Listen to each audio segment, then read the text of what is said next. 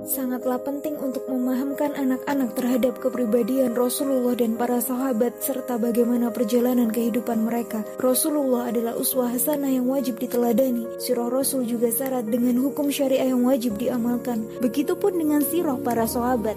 Mereka adalah generasi terbaik membela Islam, melindungi Rasulullah sehingga Allah ridho terhadap mereka. Dengan mengajarkan sirah Rasul, dapat diketahui risalah Islam yang dibawa oleh beliau untuk umat manusia, mengeluarkan mereka dari kegelapan menuju cahaya, dari penyembahan terhadap hamba ke penyembahan kepada Allah. Dapat diketahui kehidupan beliau sejak dilahirkan, pertumbuhannya hingga beliau dewasa, saat-saat menerima wahyu dan dakwanya kepada manusia dan ajakannya pada agama Islam, termasuk konsekuensi yang beliau hadapi dalam menyebarkan Islam. Islam, para pendidik generasi, penting untuk dicatat bahwa inti dari pengutusan Rasulullah adalah untuk tegaknya Islam di muka bumi. Di pundak generasi saat ini, ada kewajiban untuk mewujudkan Islam kembali dalam realitas kehidupan.